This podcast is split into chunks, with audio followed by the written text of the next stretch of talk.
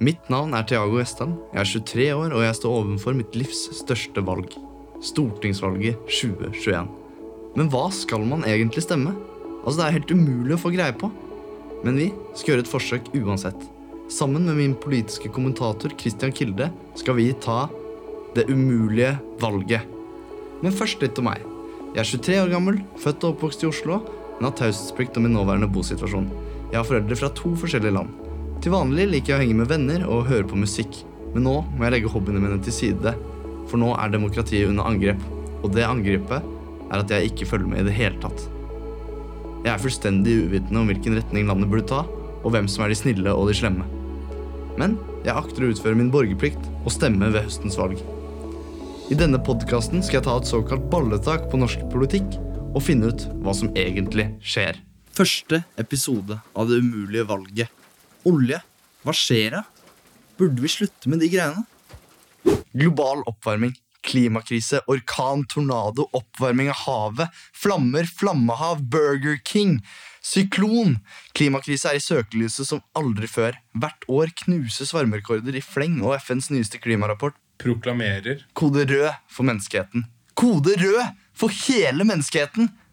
Og, og jeg tror på dem. T tror du på dem, Christian? Ja. Og med det som grunnlag er jeg for å slutte med olje og oljeleting. Så når Erna for sier at den som skal slokke lyset på norsk sokkel, ikke er født ennå, så får jeg et inntrykk av at hun ikke ser på klimakrisen like alvorlig som det jeg har inntrykk av at den er. da. Eh, og da lurer jeg på, hvordan kan man være mot å redde jorda? Vårt eneste hjem. Menneskens lille bikube. Bzz, bzz. altså, er noen politikere onde, eller kanskje dumme, eller, eller kanskje har de skjulte intensjoner? Ja. Jeg tror i hvert fall at mange på vår alder har ganske likt utgangspunkt som oss når det kommer til olje og Norge. Uh, og dette antar jeg, men for å styrke podkastens troverdighet Ja. og, og medias troverdighet, Ja. så tenkte jeg at vi skulle få noen venner av oss sin eh, innspill på saken. ja det, det støtter jeg. Burde vi slutte å lete etter olje i, i Norge? Ja, det syns jeg. Burde vi slutte å lete etter olje i Norge? Ja, Hvorfor det? Eh, fordi eh, klima Burde vi slutte med olje i Norge? Nei. Det er godt å ha venner som mener det samme som en selv. Men er det nødvendigvis bra om en hel generasjon vokser opp og tror blindt på én løsning uten å dykke dypere i saken? Så en dag leste jeg et intervju med Ketil Solvik-Olsen, hvor han argumenterte for at om Norge slutter å lete etter og hente opp olje, så vil bare Kina og Russland selge mer olje, og slik få enda mer geopolitisk makt og innflytelse uten at utslippene går noe særlig ned. Og det kan godt hende at det stemmer. Kanskje er de som er for å kutte oljen på norsk sokkel og oljeletingen, for naive. Altså dette, Jeg har ikke noe godt svar på det. Og det ble litt for mye, og derfor så valgte jeg å gå en liten tur. På turen min møtte jeg på en gjeng med ville frisyrer som demonstrerte foran inngangen til Olje- og energidepartementet. Perfekt, tenkte jeg. Disse må jeg snakke med. Jeg iverksetter en samtale med en ung kvinne med mørkt hår og en kanskje fire år eldre mann med langt, blondt hår og skjegg. Ok, hei hei. Hei. Hei, hei. Hva gjør dere?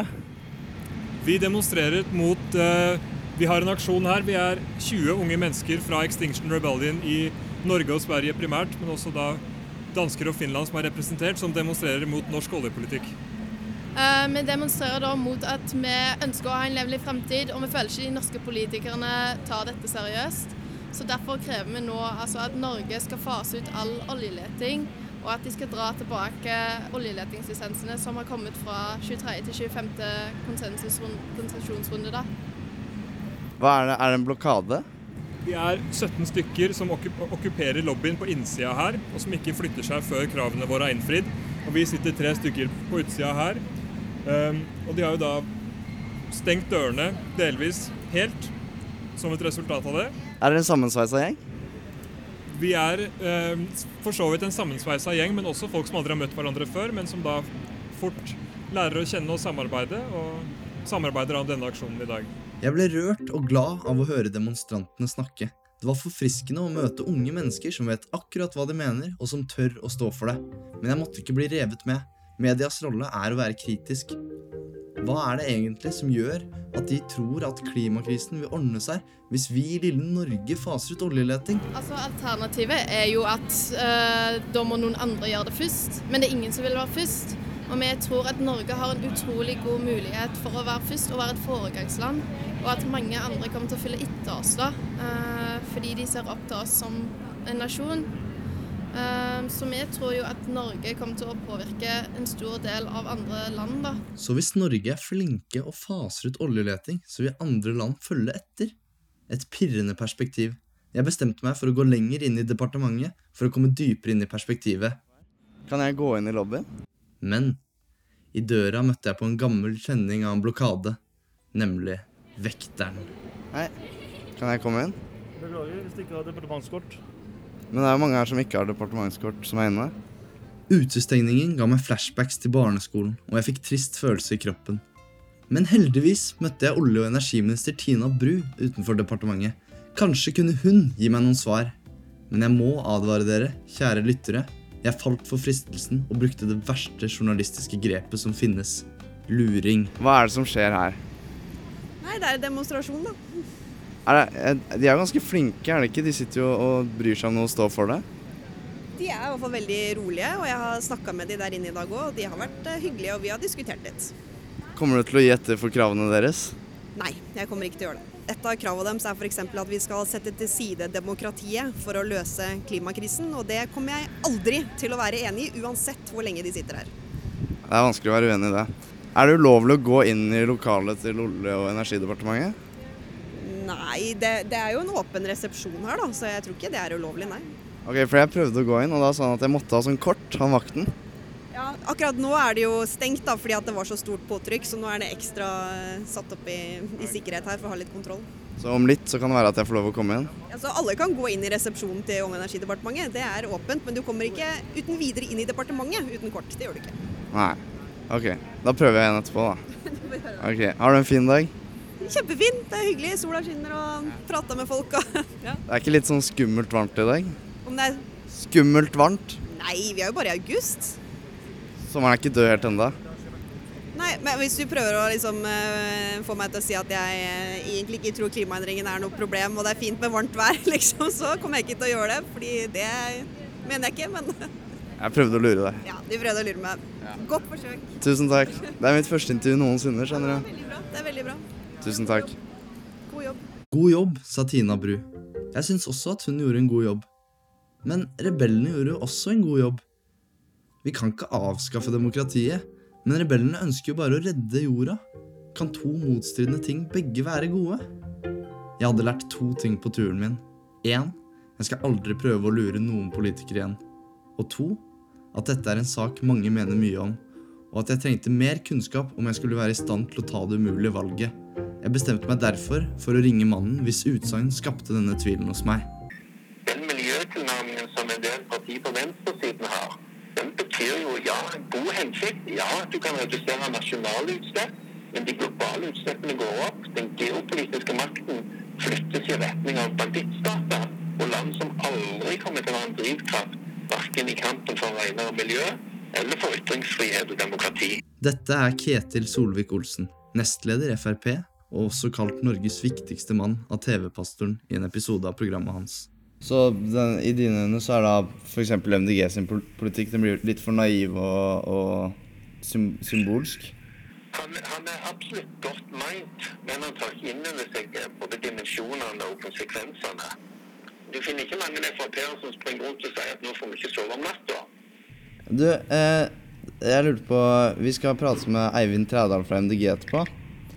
Og så har jeg litt inntrykk av at han, han virker sånn sliten for tiden. Det er klart med disse Det er jo kode rød for menneskeheten, og, og det virker som at han sliter mye med det. Så jeg lurte på om du har noen oppmuntrende ord vi kan gi til han hvis han er litt, eh, hvis han er litt deppa før intervjuet. Folk som tar beslutninger i en panikkstemning, gjør sjelden gode løsninger. Ingen av oss ønsker å være om bord på et, en båt som eh, går lekk, og der, panikken skri, eh, der kapteinen skriker i panikk. Vaidar og jeg er alle mann til hver livbåt, spring, spring, spring. Det håper jeg at Eivind Trædal òg vil, vil ta inn over seg. Når uh, kona hans forteller velgerne at uh... Jeg er kanskje ikke empatiens mester, men jeg trodde ikke dette kom til å oppmuntre Træ- Trædal noe særlig. Og jeg synes ikke vi trengte å dra hverandres koner inn i praten heller. Jeg ville høre hva min politiske kommentator Christian Kilde hadde å si til argumentet jeg nettopp har blitt presentert. Men da vi satt oss i studio, merket jeg at noe var galt. Christian svettet mye mer enn vanlig, og han unngikk øyekontakt. Jeg tok han med til et lokalt vankested for å spørre ham hva som var galt. Christian, hva, hva skjer med deg? Du, du virker litt ute. Er det noe gærent? Jeg bare um, merker, merker at det er litt vanskelig dette for meg, for at um, jeg merker at jeg er litt usikker på hva en politisk kommentator egentlig gjør, da. Ja. Er det sånn Er det liksom Er det sånn at man må vite veldig mye om politikk, eller eh?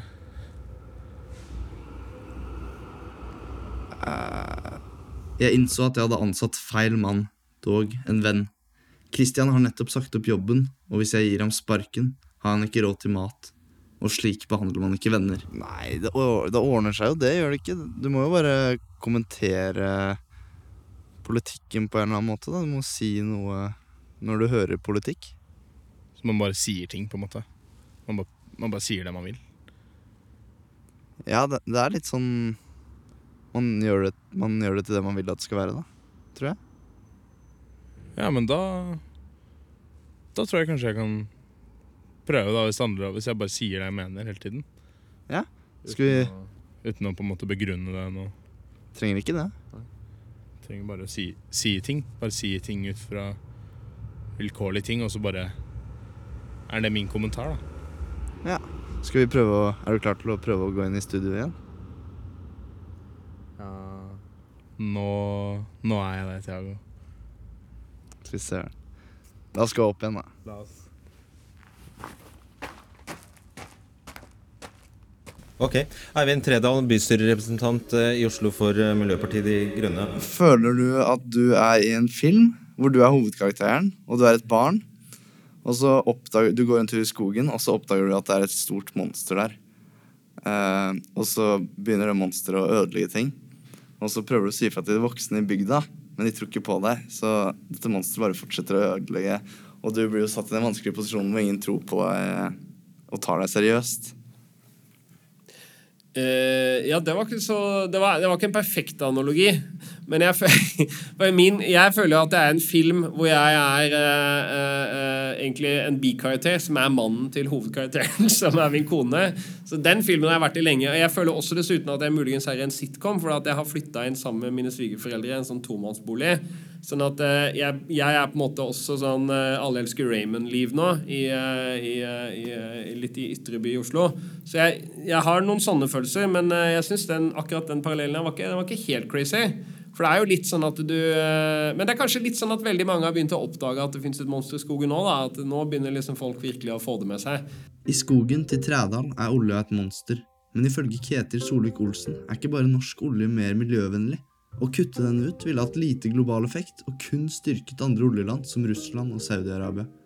Hva hadde Trædal å si til dette? Uh, skal vi se, Det er to argumenter der. så Det ene er på en måte hvorvidt det har noe å si om Norge kutter eller ikke. Uh, der er det jo uh, noen studier som har blitt gjort ikke sant, på hva effekten skulle være at Norge lar være å utvinne olje, eller faser ut utvinning over tid.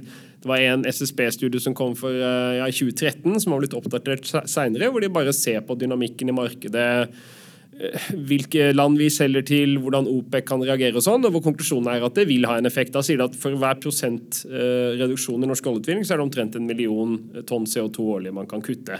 Og når det kommer til at norsk olje er reinere enn andre, så er jo det eh, håper å si, kommer an på hvem du sammenligner med. Eh, de største feltene i Saudi-Arabia, de to største feltene, som produserer omtrent tre ganger mer olje enn det hele norsk sokkel gjør, er i gåseøynene reinere enn Norge når det kommer til CO2-utslipp. Men da snakker vi om noen små prosentforskjeller, altså små prosentandeler i utvinninga. Så hvis du først da ser på forskjellen på en såkalt rein og en såkalt skitten tønne olje i forhold til produksjonsutslipp, så er det jo snakk om noen promilleforskjell for klimaet. Så det er jo noen utrolig små forskjeller da, hvis du skulle satse på å bore olje i Saudi-Arabia eller Norge. Og så er det da sånn at Saudi-Arabia faktisk vinner den konkurransen, hvis det er det det står på. Hvis vi faktisk skal se på det regnestykket. Så kutt har en effekt, ifølge forskningen. Men ønsker vi virkelig å gi Russland, Kina og Saudi-Arabia mer makt? Er det liksom smart? Hva har du å si til det? Altså jeg tror Den viktigste tingen de gjør for å redusere den geopolitiske måte, makten til disse regimene, er jo å bli kvitt oljeavhengigheten i verden. Altså Jo mer vi hjelper verden med å slutte med olje og gass, jo lettere blir det jo å på en måte motarbeide makten til sånne regimer som Saudi-Arabia er, istedenfor å gjøre oss avhengig av dem. Det er litt som i, i, i Simpsons, at liksom Mr. Burns har liksom atomkraftverket, og han er sjefen. ikke sant? Men hvis, all, hvis Homer Simpson har solcellepanel på taket, og alle andre har det, så, så kan de undergrave Mr. Burns. Det er liksom det er der vi er i forhold til Ja, i forhold til The Simpsons, ja. Glad i TV-serier, han Trædal. Men nok fiksjon nå.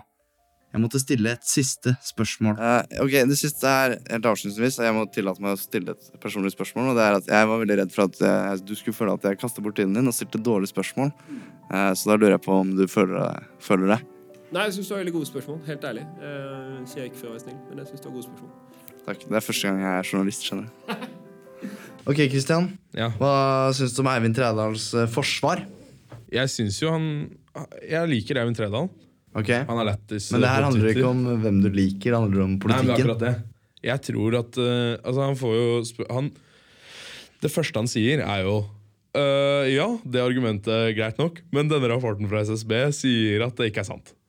Jeg tror ikke liksom norske folk er så dritgira på å gi opp olje. Vi vet jævla godt hva som gjør at Men vi har eh, jo lyst til det. Eller vi Ja, vi vet veldig godt Vi som bor i Norge, vet veldig godt hva som har gitt oss iPad på skolen. Ja. Og det er olje. Jeg fikk ikke iPad på skolen. Ikke jeg heller, men det er fordi vi var born in the wrong generation. Faen, ass. Too, too, too late to discover space too, Nei, too late to discover the world. Too Ja. early to discover space. Men sa han også at uh, Saudi-Arabia lager marginalt mer miljøvennlig olje enn Norge? Og det, det er gjerne morsomt, Fordi det er jo bare motargument også. De sier sånn herre Kjetil Solvik-Olsen og Borten Moe og hele den der, Ja. gutteklubben der uh, sier alltid 'Vi lager så ren olje. Vi lager dritren olje'. Ja. Og det er greit nok. Uh, ok, Det er rent liksom, i den grad at vi har nye skip og vi har liksom nye oljerigger og vi har så jævlig gode ingeniører. Og, men Saudi-Arabia er da marginalt sett bedre, og de bare kjører med en Toyota ut i ørkenen og bare holdt jeg på å si, borer med en drill ned i bakken, og så spruter det opp olje i 20 år. Og de er sånn Fett, jeg kjøper Lambo. Hvis det er marginalt sett bedre enn det vi driver med, så er det jo bare helt idiotisk at vi sitter her og loker. Det var på tide å slutte å loke. Vi måtte videre i programmet. Jeg ønsket å komme opp med den perfekte sluttdatoen for norsk oljeleting og olje. Jeg spurte Trædal hva han mente. Tror vi i MDG er 2035. Så det er det, er det vi har programfesta. Ja. Mm. 2035? Jeg gleder meg til å prate med deg da og se hvordan det står til. Jeg har en dato Ja, blir, vi går for første i første. Eh, det er ikke sikkert at jeg har tid på SMK da, men dere får bare se. Da tar vi det en av dagene som kommer. 1.1.2035, da skal jeg i et bryllup.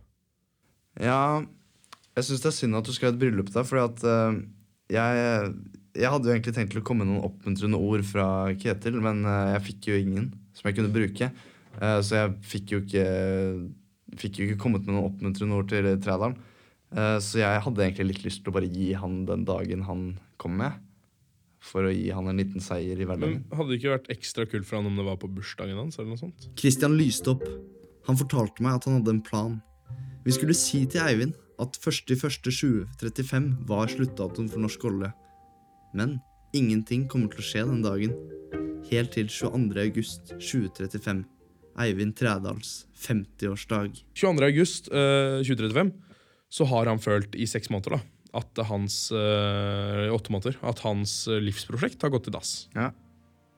For et surprise party det er å dukke opp på bursdagsfesten til Eivind Ja, Trædal. Ikke bare er alle vennene hans der. Ja. Lederen for Natur og Ungdom, lederen for Naturvernforbundet, Mm. lederen for Besteforeldrenes klimaaksjon, Frode Pleim fra Greenpeace. Alle disse, og Rasmus Hansson selvfølgelig, og Ja, Une Bastholm og hele gjengen er der inne og feirer Eivind. Og så sier de Og Erna Solberg. Erna Solberg er der, og hun kommer fram med en koffert og sier Jeg har en overraskelse til deg. Hva er det? Jeg, nei, hun sier sånn Jeg har en overraskelse til deg, Eivind. Ja. Og så sier han Hva er det? Eller, sier Ja, hva? Hva er det? Det har vært en hyggelig eh, er bursdagsfeiring. sånn han- snakker. han sier Han sier bare ja, hva er det? Han sier Dette har vært en drithyggelig bursdagsfeiring, men jeg er ikke klar for Hvis dette er en prank, Erna, Nei. så er jeg ikke klar for det. Okay, Ok, sier hun hva? Nei, åpne kofferten, så skal du se. Ja, hva er i den? Han åpner den. Ja. Det er en spak, en knapp. Ok. Nei. Det er en knapp. Er det knappen? Og eh, Eivind Trædal, eh, innen 2035 så har han jo fått sitt eh, andre barn, kanskje. Ja. Eller tredje. Eller whatever. Nei. Så eh, Erna og Eivind Ja. bærer fram eh, lille Guttorm, Guttorm. som er Eivinds eh, tredje Guttorm, Guttorm tredje- Trædal. Andre sønn, tredje Ja. barn, Guttorm Trædal. Ja. Og han fører hånda si mot den røde knappen og trykker på den. Og det er først, det er først stille. De tenker Vent litt. Var dette bare en prank av Erna? Eivind ser bort på henne. Hun ser på han, smiler, blunker. Men så begynner han å høre det. De bor på kysten, så Ja, han ser bare Alle- oljeplattformene sprenge én etter én. Og da har vi slutta med olje. Det er utrolig vakkert. Nei, men da sier vi det. Du overbeviste meg. Vi tar det 22. august 2035. En sluttdato for norsk olje og oljeleting som ikke bare Eivind Trædal kan si seg fornøyd med, men som også oppfyller Erna Solbergs profeti om at den som skulle slukke lyset på norsk sokkel, ikke var født enda. Jeg har lært mye, men jeg er så vidt begynt på reisen mot å kunne ta det umulige valget. Det er enda mange temaer å utforske. Følg med.